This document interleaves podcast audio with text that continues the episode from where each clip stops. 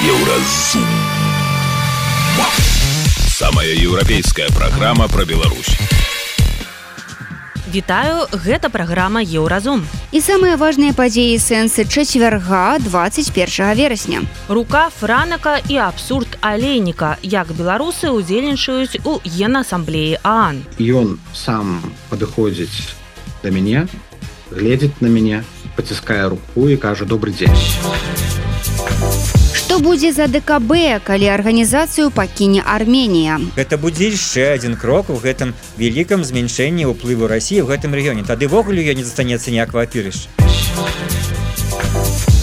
Колькі ты хочаш зарабляць, як нашага журналіста вербавалі ў наркокур'еры. В этом месте не надо продолжать. Если вас что-то смутило, надо контакт прекращать. Пра гэта ды іншае больш падрабязна цягам бліжэйшай гадзіны. Еўразум. Беларусь у еўрапейскім фокусе. У нью-йорку працягваюцца мерапрыемствы ў межах генасамблеі Арганізацыі Аб'яднаных Нацый. У іх бяруць удзел адразу дзве беларускія дэлегацыі. Адна прадстаўляе Лукашэнку, а другая беларускі народ. Летась праўладныя і дэмакратычныя каманды таксама перасякаліся ў АН. Аднак тады экс-міністр Владзімир Макей літаральна збег ад святланы ціханаўскай. Сёлета сустрэча выглядала іншым чынам. Дарацца ціханаўскай франак вячорка кажа, што ледзьве не аслупянеў ад нечаканасці. Давайте паслухаем яго аповед сустракаліся. Была сітуацыя калі у калідорах генасамблеі у штаб-кватэры і вельмі дзіўная сітуацыя насамрэч такая не нечаканая для мяне. Выходзіў алейнік я стаяў у калідоры ён сам падыходзіць да мяне гледзіць на мяне паціскае руку і кажа добрый дзень ён конечно паставіў мяне ў ступар тому что мінулым годзе дэлегацыя макея уцякала ад нас уцякала бегла кудысьці. Гэтым разам яны самі падышлі. Размовы не было ніякай. Это было просто вітанне. І потым яны сышлі. Разам з ім быў глаз былі шэраг яшчэ чыноўнікаў дэлегацыі. Вось але гэта пакуль што вся камунікацыя якая у нас была з ім. Ясна што яны працуюць на наварожыя сілы яны працуюць на лукашэнку чакаюць што яны там пяройдуць на наш бок на генасамблеі у нас удастся перацягнуць іх на бок свабоднай беларусі не але я думаю что яны прызнаюць э, ну прызнаюць нас як апаненту это відавочна. І э, наша задача просто іх перамагчы.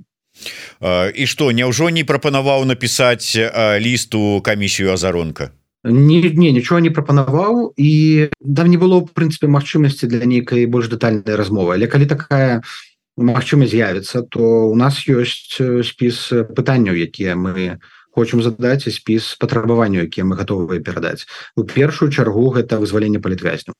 Любы дыялёг з алейнікам і з рэжымнымі дэлегацыямі павінен пачынацца з гэтага патрабавання. Вызвалення палітвязняў усіх і рэабілітацыі Э, Франа калі ж вот э, пагадзіцеся э, вельмі ну неяк так рызыкоўна для алейніка нават моўчкі але паціснуць руку першаму дарацца ціхановскай. Не пры сучасных рэжымах вот такія дзеянні рабіць? Ну уган такое асяроддзе дзе немагчыма нешта рабіць сакрэтна. Там усе знаходзяцца ў адным памяшканні. Усе перасякаюцца шмат разоў на дзень все дэлегацыі прэм'еры прэзідэнты Я думаю что яны вырашылі что лепш э, прызнаць прысутнасць адного аднаго на гэтым на гэтым форуме чым уцякаць. Ну Мачыма мінулы раз мінулы раз калі макею цёк ну потым правда яго неўзабаве не стала але э, я думаю что гэта нашмат горш пра іх казала і гэта бачылі іншыя людзі чым ну вочы ў вочы паглядзець Тым часам кіраўнік беларускага МЗС выступіў у саўбезе Аан, заявіўшы, што абвінавачванні Беларусі ў саудзелі ў вайне супраць Украіны абсурд. Доказамі ён папрасіў лічыць тое, што пасля пачатку вайны ў Беларусі прайшлі перамовы паміж Масквой і Кіевам і ў нашу краіну прыехала 120 тысяч украінскіх уцікачоў. Маўляў, ці паехалі б дабравольна украінцы ў Беларусь, калі б адчувалі ад нас агрэсію. А яшчэ алейнік запрасіў у мінск генсе генсека Анна Антонія Гутырышак, каб ён самастойна ацаніў сітуацыю з украінскімі бежанцамі. У той жа час Святлана Ціхановская правяла шэраг сустрэч на самым высокім узроўні. Падчас іх чырвонай лініі гучыць тэмы дапамогі беларусам, якія праз указ Лукашэнкі застаюцца за мяжой без пашпартоў. Вось як важнасць генасамблеі ААН і прысутнасці там дэлегацыі дэмсілаў тлумачыць франак вячорка. Ну няма больш прадстаўнічага форуму ў свеце, чым генасамблея ААН. 190 лідараў Украіны узбіраюцца тут под 100 тысяч чалавек палова нью-йорка перакрытая цяжка нават прайсці каб не сустрэць нейкага выбітнага дзеяча палітыка нават тут галівудскіх актораў на вуліцы сустракалі якія ўдзельнічаюць у праектах ан і калі ты хочаш данесці нейкую думку пазіцыю то трэба прыязджаць на генасамблею але трапіць сюды не так просто складана. І дэмакратычныя сілы беларусі ніколі не удзельнічалі ў генасамблеях а удзел Святланы ціхановскай становіцца ўжо рэгулярным. Это другі год запар. У мінулым годзе нам дапамагла эстонская дэлегацыя якая падтрымала і уключила у сваю нацыянальную дэлегацыю ціхановскую зараз нас падтрымалі Люксембург і Ісландыя. І гэта становіцца таким добрым крокам калі э, розныя краіны падтрымліваюць удзел дэмакратычнай беларусі. Э, лукашэнку і рассеі гэта не падабаецца. Мы ведаем што яны бунтуюць пратэстуюць. Як это так? Тут наши апаненты удзельнічаюць але э, гэта становіцца нормай і гэта добра. Але ўсё ж таки які статус у дадзеным на, на дадзеным мерапрыемстве і ціхановскай і каманды? Калі вы кажаце ўсё ж таки что як летась потрапілі дзякуючы Эстоніі якая уключила у сваю дэлегацыю так і зараз уключаны у дэлегацыі іншых краін паралельна прысутнічае дэлегацыя лукашэнкаўскага режима на чале з алейнікам. То есть вот статус конкретно ціхановскай на гэтым мерапрыемстве я прадстаўляюць як каго ты на чалец для дэлегацыя Люксембурга? Ці хто атрымліваецца Ну калі мы напрыклад мы замаўляем памяшканне для білатэральных сустрэчаў то мы кажам дэлегацыя Беларусі і калі э, пытаются там протакольшчыкі ці іншыя краіны мы кажам что дэлегацыя Беларусі і гэта адпавядае рэчаіснасці пытанне як ты протакольна трапляеш гэта іншае тому что арганізацыя бедных нацыяў гэта шмат шмат дзяржаваў і кожная дзяржава тут мае роўны статус. Так мы не маем свайго тут офіса пакуль што УАН тому что э, то ж называется УАН эфектыўны контроль над тэрыторыяй Беларусі мае рэжым лукашэнкі. Але маем саюзнікаў якія прызнаюць нас за паўнацэнных прадстаўнікоў Беларусі. Гэтыя саюзнікі даюць нам гэты доступ безумоўна будзе час калі прадстаўляць Беларусь. Тут будуць дэмакратычныя абраныя прадстаўнікі на жаль уан бальшыня краінаў гэта аўтарытарныя дзяржавы пакуль што тут няма такога. Як калі прыязджаеш у Брусель там і ўсе саюзнікі тут вельмі шмат тых хто падтрымліваюць Расею вайне. Але э, нас тут становіцца больш Беларусі становіцца больш. Гэта гэта добра мінулым напрыклад на мінулай сесіі год таму назад калі мы там сустракаліся з вугорскай дэлегацыяй быў такі інцыдэнт што яны А вы з Беларусі у нас з вами запланаваная сустрэча ж праз пару гадзінаў Ну, оказалася что яны пераблыталі нашу дэлегацыю з дэлегацыяй Макея у іх была сустрэча з Макеем тады. Але э, э, Ну але такое такое адбываецца гэтым разам радзей тому что ўжо ціхановскую ведаюць э, больш. Тут яна ўжо за сваю. І доступу э, стала нашмат болей чым у мінулым годзе. Значыць магчымасцяў сустракацыі размаўляць нашмат болей. Летась у нас было два мерапрыемствы на полях генасамблеі зараз ціхановская удзельнічае ў 5 падзеях. У тым ліку одна дыскусія э, конкретно прысвечаная Беларусі беларускай незалежнасці. Скажи мне конкретно гэтыя сустрэчы як могуць паўплываць на лёс беларусаў? Прычым не толькі тых хто за мяжой але і ў Беларусі. Вот некія конкретныя дамоўленасці ёсць і ёсць конкретныя гаранты что яны будуць выконвацца гэтыя дамоўленасці. Ну на лёс беларусаў найперш могуць паплываць дзеянні саміх беларусаў і трэба адыходзіць ад такога что ці падавайце ан абСе хайны з нас все павырашаюць і зробяць нам шчасце. Такога ну, не будзе. І гэта такое мысленне якое лукашенко культываваў что ёсць нейкія там важные начальнікі палітыкі якія все павырашаюць. Что можа рабіць ціхановская у гэтым выпадку? Она прадстаўляць інтарэсы беларусаў і апавядаць про тое что беларусы ўжо робяць. Супрадзеянне расійскай прапагандзе ў дапамозе ўкраіне беларускія добраахвотнікі якія аддаюць свае жыць беларусы якія збіраюць інфармацыю там для гаюна і там пра рэзідэнцыі лукашэнкі як это робіць белпол. Гэта канкрэтна тое что свет хоча пачуць что беларусы робяць для свайго вызвалення А ўжо ціхановская кажа беларусы робяць гэта А вось канкрэтна что вы можете зрабіць каб дапамагчы беларусаў. Калі беларусы не будуць рабіць то і свет будь о чым па іным дапамагаць калі яны самі не стараюцца не змагаюцца. І мы кажам что мы гэтую частку там по вызваленні по ўмацаванні нацыянальнай ідэнтычнасці по падрыхтоўцы супраціву мы яе робім. Але вы зрабіце вось такія крокі. І конкретно гэта прыцягнение рэжыму да адказнасці праз тры асноўныя трекі міжнародны сутан міжнародны крымінальны суд і універсальная юрысдыкцыя і конкретно ўжо пачаўся кейс по юрыю гараўскаму конкретно будзе запущены стратэгічны дыалог что таксама вельмі вялікая справа. Напрыклад албанія толькі ў мінулым ці па-за мінулым годзе пачала стратэгічны дыалог ЗША фармальныя адносіны калі збіраюцца на высокім узроўні прадстаўнікі а беларуская дэмакратычная супольнасць зараз пачынае хаця яшчэ няма сваёй дзяржавы дакладней дзяржава захопленая там акупантамі.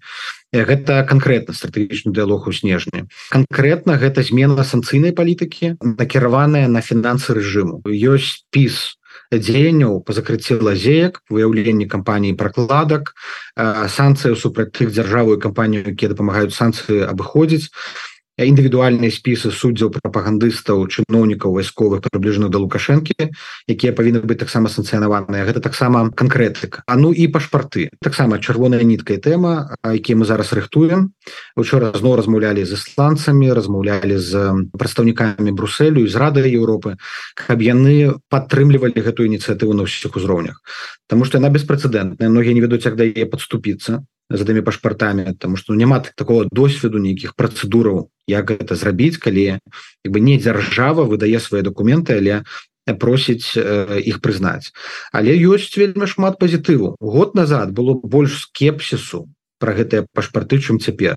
Зараз галоўная задача вельмі дакладна зрабіць эту працэдуру прапісаць як будуць верыфікавацца людзі якія падаюць на пашпарты як будуць правярацца і захоўвацца іх дадзеныя арганізацыі якія будуць канкрэтна друкаваць документы трэба пераканаць что это сур'ёзны прафесійны праект які будзе мець будучыню. Я думаю что мы у наступным годзе мы ўжо выйдзем на выдачу і на прызнанне гэтых документаў У эфіры еўрарадыё быў дарацца святланы ціханаўскай франак вячорка. Ён патлумачыў чаму удзел у генасамблеі аан так важны для беларускіх дымсілаў і распавёў пра сустрэчу з міністрам замежных справаў Сергеем алейнікам. Далей у праграме еўразум Што будзе за ДКБ калі арганізацыю пакіне Арменія? Гэта будзе яшчэ адзін крок у гэтым вялікам змяншэнні ўплыву рассіі ў гэтым рэгіёне. Тадывогуле я не застанецца ніякого апірыш колькі ты хочаш зарабляць. Як нашага журналіста вербавалі у наркакур'еры. В этом месте не надо продолжать. Если вас что-то смутило надо контакт прекращать. Сустрэнемся пасля музычнай паўзы і навінаў спорту.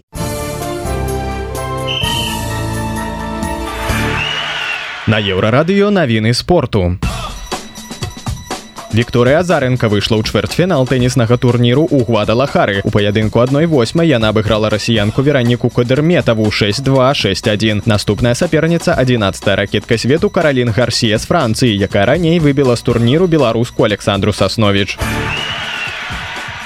Футбольная зборная Беларусі выбыла з першай сотні сусветнага рэйтынгу. Цяпер яна займае 105 месца. Апошні раз у другой сотні рэйтынгу FIFA зборная знаходзілася 9 гадоў таму. Па-ранейшаму лідыруюць зборныя Аргенціны, Францыі і Бразіліі. Прайшлі чарговыя матчы групавога этапу футбольнай лігі чэмпіёнаў. Мюнхенская баварыя абыграла Манчестер Юнайтед 4-3, а мадрыдскі рэал берлінскі уніён 1-0. Бенфіка прайграла Зальцбургу 02. Гродзенскі нёман падчас кастрычніцкага перапынку на матчы зборных правядзе збор у Кіаі. У яго рамках запланаваныя таварыскія матчы з мясцовымі камандамі. Як паведамляе футбол бай, выдаткі на сябе возьме прымаючы бок. У хакеістаў мінскага дынама пятая запар паражэння ў чэмпіянаце КХл на гэты раз на сваёй пляцоўцы прысутнасці 15 тысяч заўзятараў яны саступілі ярослаўскаму лакаматыву 1-4 дынама на десятым месцы ў заходняй канферэнцыі. У пятніцу пройдзе матч з аўтсайдерам віцезем гэта былі навіны спорту. Заставайцеся на еўрарадыё.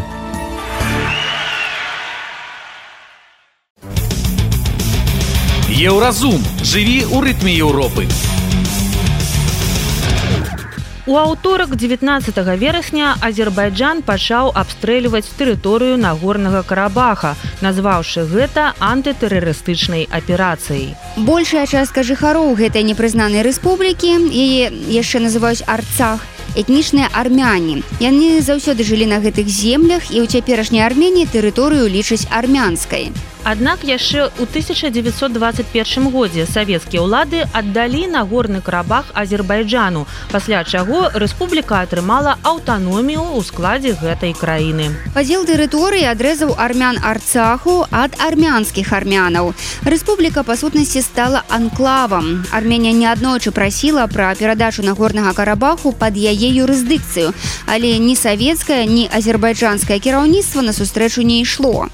А потым за арцах пачаліся войны. Узброены канфлікт цягнецца гадамі. І вось пасля сутак супраціву армія кіраўніцтва нагорнага карабаху заявілі аб капітуляцыі. Жыхары рэспублікі пацягнуліся ў аэрапорт Сепанакерта з надзеяй на абарону расійскіх міратворцаў, якія прыбылі сюды ў двадцатым годзе пасля 44дзённай вайны паміж бакамі канфлікту. Аднак расійскі міратворчы кантынгент нічога не зрабіў, калі Азербайджан пачаў кантраляваць лачын латынскі калідор дарогу якая звязвае арцах і арменію. Бяздзейнейшая і цяпер. Бессэнсоўным у гэтым плане апынулася і членства арменії у адКд у 2022 годзе падчас чарговых сутычак паміж арменіяй і азербайджанам прэм'ер нікол пашынян прасіў альянс прыйсці на дапамогу свайму чальцу аднак гэтая просьба была праігнараваная. Цяпер у арменіі выступаюць за выхад краіны за ДКБ і інтэграцыю з еўропай. Росіі гэта не падабаецца адбываецца А вось сяброўства з нейтральным устаўленні да вайны з украінай азербайджанам і галоўным яго саюзнікам турцыі вельмі падабаецца. Ці разваліцца адКб калі армения ўсё ж выйдзе з арганізацыі? Наш рэдактор зміцер лукашук пагутарыў пра гэта з палітычным аглядальнікам віталём цыганковым. Расійскія тэлеграм-каналы асабліва зараз з вялікай радасцю разганяюць тэму як азербайджанскія войскі уваходзяць у степанакерт як яны зрываюць сцяги флаги арцаха і э, топчуцца по іх мне ось э, цікава з гэтай нагоды так не радуюсь Вось а, а яны будуць гэтак жа радавацца калі Украіна верне сабе Крым і там пачне тое ж самае рабіць с власаўскімі трыкалорамі. Не ну мне вот само по сябе дзіўна что а, а якая у іх ты матывацыя радасць ад чаго то что чым яны конкретно радуюць покаралі пашыняна і ўсіх вось гэтых здраднікаў якія хочуць выйсці хотели выйсці за ДКБ па пачалі глядзець у бок захаду здраджваць пачалі расійскім інтарэсам. Ясно Ну вось э, я калі э, пісаў такі недавно тэкст в социальных сетках сваіх тэлеграме і э, у фейсбуку который вы телеграмму заўсёды э, рекламуеце Дякую за это. Але э, менавіта про карабах і сапраўды два-тры дні доўга сачыл за за всем этим ну это накладывался на все ранейшие наши веды про эту ситуацию. И но сапраўды такая выказал такую версию ну напэўна не першы что Россия сапраўды карая э, пашыняна прыватнасці арменію в целом за некаторые свае як она лічыць там здрадніцкія антырасійскія крокі ну там вот літаральна першая лэдзя там сустрэлась недзе там зеленскім там потым галоўнае что можа быть іх асабіста Пуціна пачапіла мы не ведаем якой ступені там от менавіта гэты асабісты фактор что Армения вырашыла ратыфікаваць той самы рымскі статут паводле якого ёсць міжнародны крымінальны суд які выдал ордер на арышт Путина. І гэта ўжо внесена на паседжанне расійск э, армянского парламента яшчэ першага верасня і сам пашынян адназначна сказаў что ну, это это не тычыцца наших адносінаў з Россией. Мы павінны мець гэты статут дзеля наших міжнародных абавязкаў і мы павінны его ратыфікаваць і вось это было там пачатку верасня а тут у праз пару тыдняў азербайджан пачынае новую вайну ну і захоплівае карабах. Я конечно не прыхільнік там такой версіі что Россия сказала азербайджану там давайте азербайджан пабег выконваць нет ён намного больш самастойная держава але Магчыма адчуўшы такі момант Магчыма сапраўды пачуўшы нейкія канкрэтныя з Москвы там намёкі што наши так званыя гэтыя міратворцы нічога не будуць рабіць нічога не буду смешвацца Азербайджан вырашыла што да зараз ягоны час і пайшоў і не сустракаючы супраціва паколькі ну армянская армія не готова супраціўляцца зараз і не тыя прапорцыі не тыя скажем так магчымасці і сам пашынян якраз все гэтыя з першых хвілін там агрэсіі Ну не сказать не агрэсія дзеяння Азербайджана ён заявлял что они только хочуць уцягнуць арменію войну ім не удастся мы не будем выступать Ну і вот закончилось тым что фактычна да карабах арсаца здаўся і відаць я б нават сказал что першыню спачатку этого конфликта за 35 гадоў Мачыма в ім будзе поставлена некая кропка ну скажем шмат кропі але некая кропка тым сэнсе что так ўжо суверэнітэт Азербайджана не толькі да юра але і де-факто выніку этого захопу распаўсюдзіцца на гэтыя землі нагорного карабаха. Як от все ж таки ну вот я не ведаю беларуская позиция ці беларуская я не ведаю сімпаты у гэтым канфлікце на чыім баку? Ці тут не нельга гаварыць про нейкія сімпаты антыпаты тут можна больш можна безумоўна па-першая беларуская пазіцыя я бы яшчэ калі бы спыталі про лукашенко сказал бы что ён бы конечно хотел бы всунуцца с традыцыйна со сваёй миссии миротворца при этом ох я не люблю когда меня называюсь миротворцем но дайте я буду посередником. Вот літаральна только что навіна что на сессии Ан оленек беларускі міністр замежных справ снова прапанаваў Беларусь в якасці пасяредніка паміж Россией Украиной.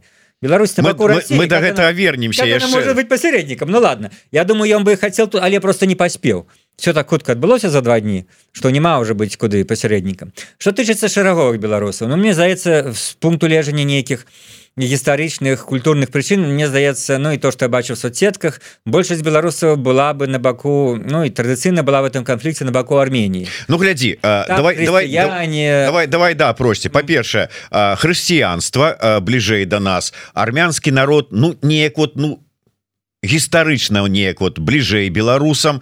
Часцей мы ездзілі у Арменію чым у Азербайджан там нават з турыстычнымі нейкімі мэтамі.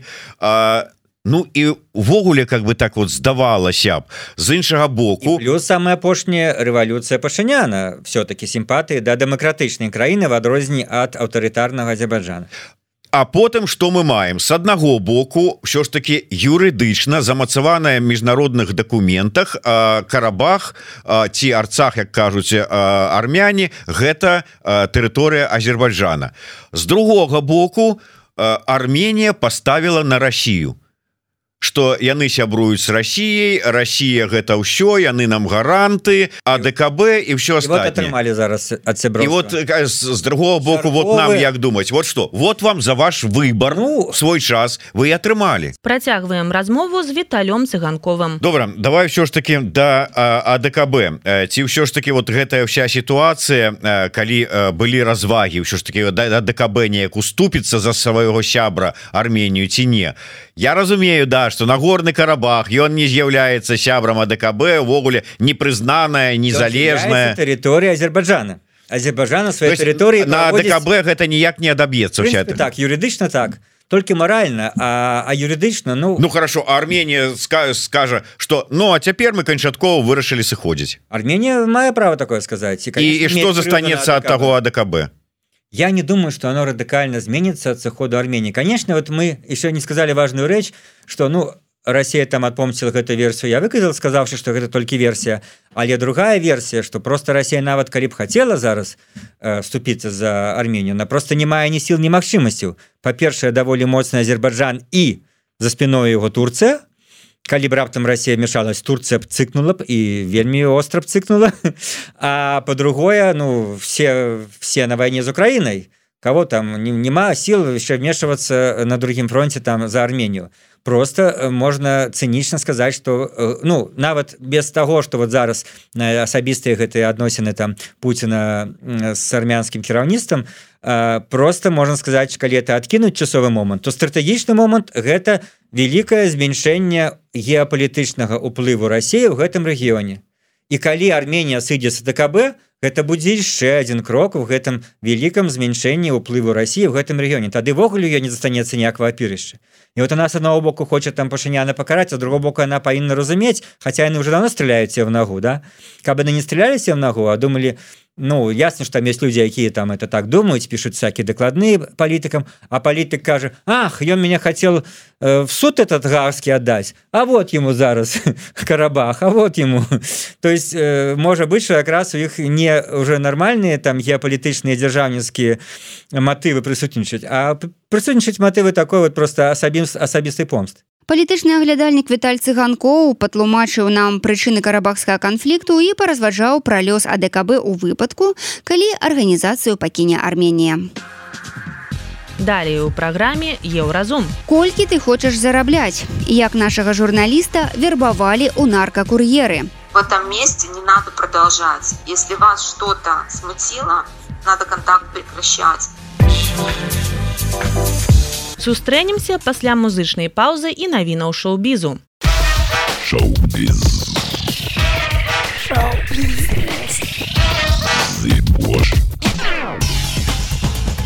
Навіны шоу-бізу на еўрарадыё. Учора быў апублікаваны мемарандум аб стварэнні беларускага інстытута тэатра.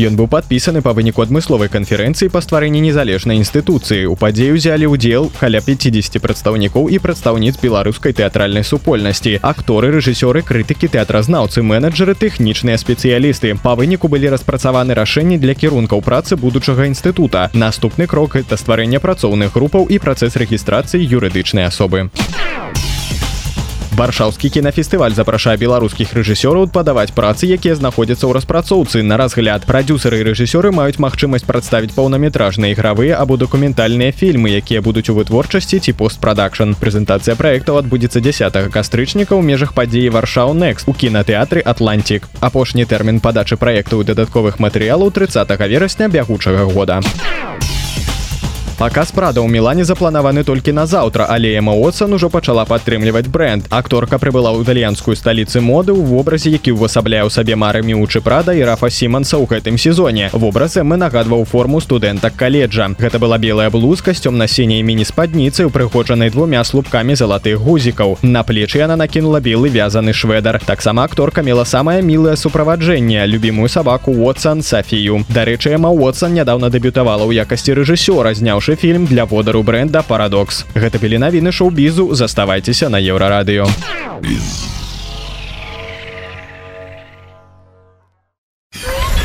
еўрарадыё кропка фм У групах бежанцаў у беларусі прапануюць хуткія грошы. Не спяшайся адмаўляцца. З грашыма на першы час мы табе дапаможам. Пройдзеш навучанне. Угаворвае нашага карэспандэнта дзяўчына з нікам Марыя HR. HR Марыя прапануе нашай журналісты папрацаваць у дастаўцы і абяцае заробак у 2000 долараў у тыдзень. Аб'ява аб вакансіі з'явілася ў групе дапамогі украінскім уцькачам у Беларусі.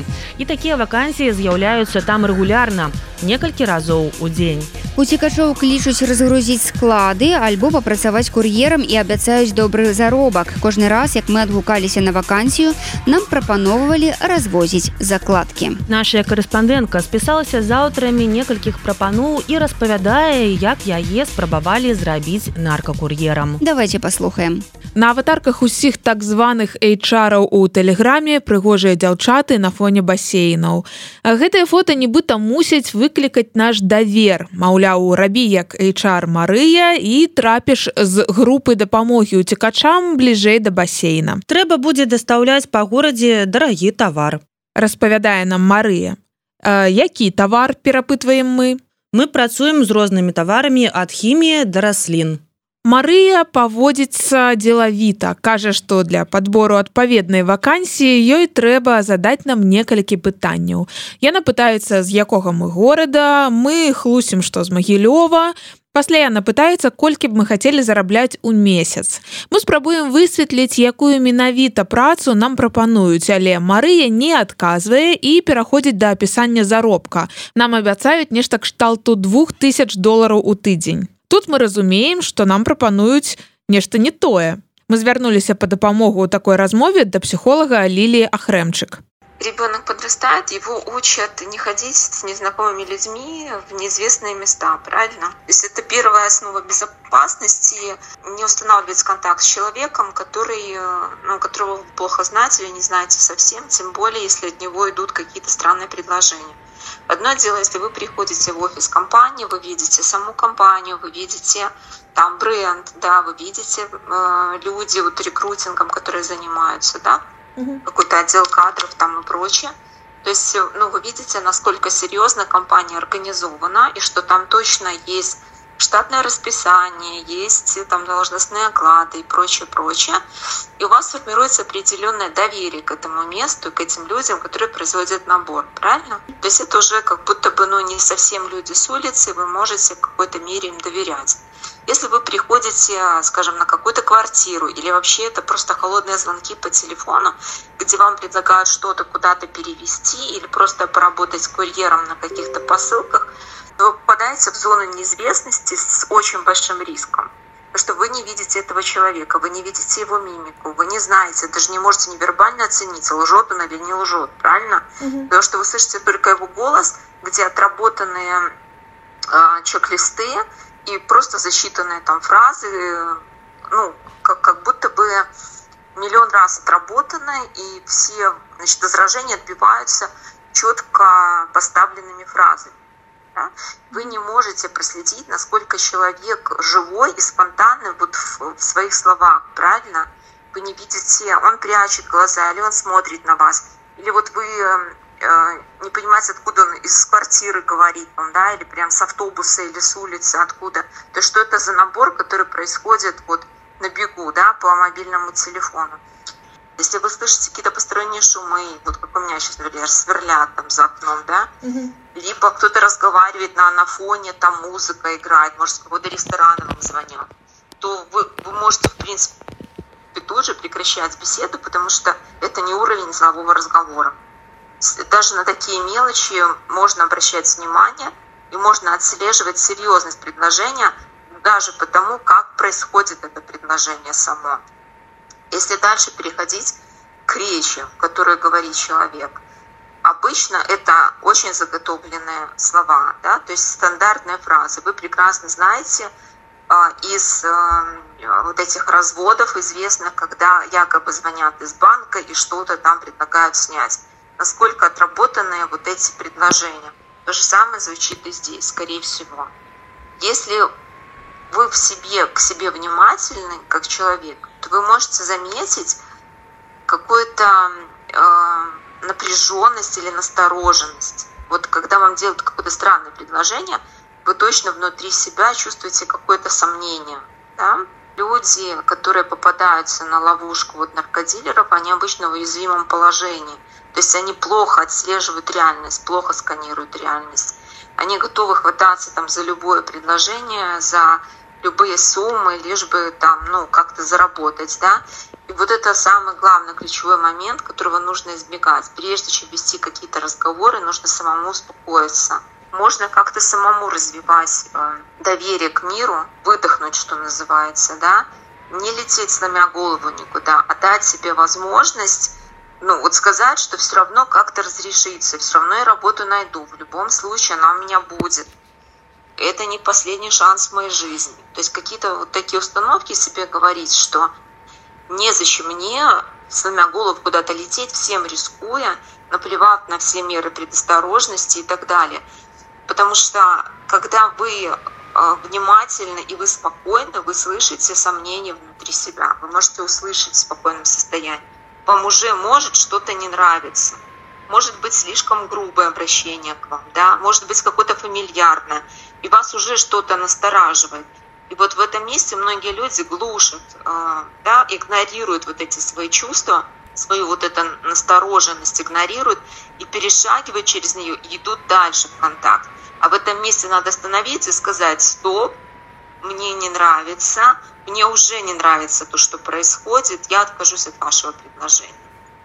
Здесь могут дальше начаться какие-то э, слова и фразы, от собеседника, а, как работа с возражениями, да, то есть он может спорить с вами и начинать предлагать что-то, потому что, ну, так работает маркетинг, і ў гэты момант HR Марыя сапраўды пачала працу з пярэчаннямі давайте разам з вами разбярэм чаму вы адмаўляецеся ад працы. Праз некалькі хвілін такой перапіскі Марыя раззлавана прыпячатала. Вы нічога не хочаце абмяркоўваць бо вы чалавек адной працы. Лілія Хрэмчык настойвае у гэты момант, калі толькі вы не журналісты, вам не трэба здабыць у мары паболей інфармацыі, варта цалкам абрываць такі контакт. У наступныя некалькі дзён HR Марыя зноў пісала нам, віталася, пыталася як нашыя справы і яшчэ праз дзень, вырашыўшы, што патрэбны больш сяброўскі тон, яна паспрабавала спытаць зноў, як маецеся. Мы паспрабавалі заклікаць да сумлення HR і нагадалі, што сваю прапанову яна размясціла не быдзе, а ў чаце уцікачоў. Марыя не зразумела, чаму мы лічым, што яна нажываецца на праблемах уцікачоў і перапытала. Маўляў, чаму нажываюся толькі таму, што даю людзям працу і стабільны заробак, Тады мы паспрабавалі прыстрашыць і чара беларускім антынаркатычным заканадаўствам, але Марыя запэўніла, маўляў, яе кур'ерам ніхто ніякіх гадоў турмы не дае. Насамрэч зараз паўсюд наркотыкаў у Беларусі даюць да 25 гадоў пазбаўлення волі. Артур, яго імя мы змянілі ў мэтах бяспекі, правёў 6 гадоў беларускай калоніі. Калі яго затрымалі, яму было 18. Артур кажа, што курыў спайс з сябрамі. Суд адправіў яго ў калонію на 10 гадоў. Удалося вызваліцца раней.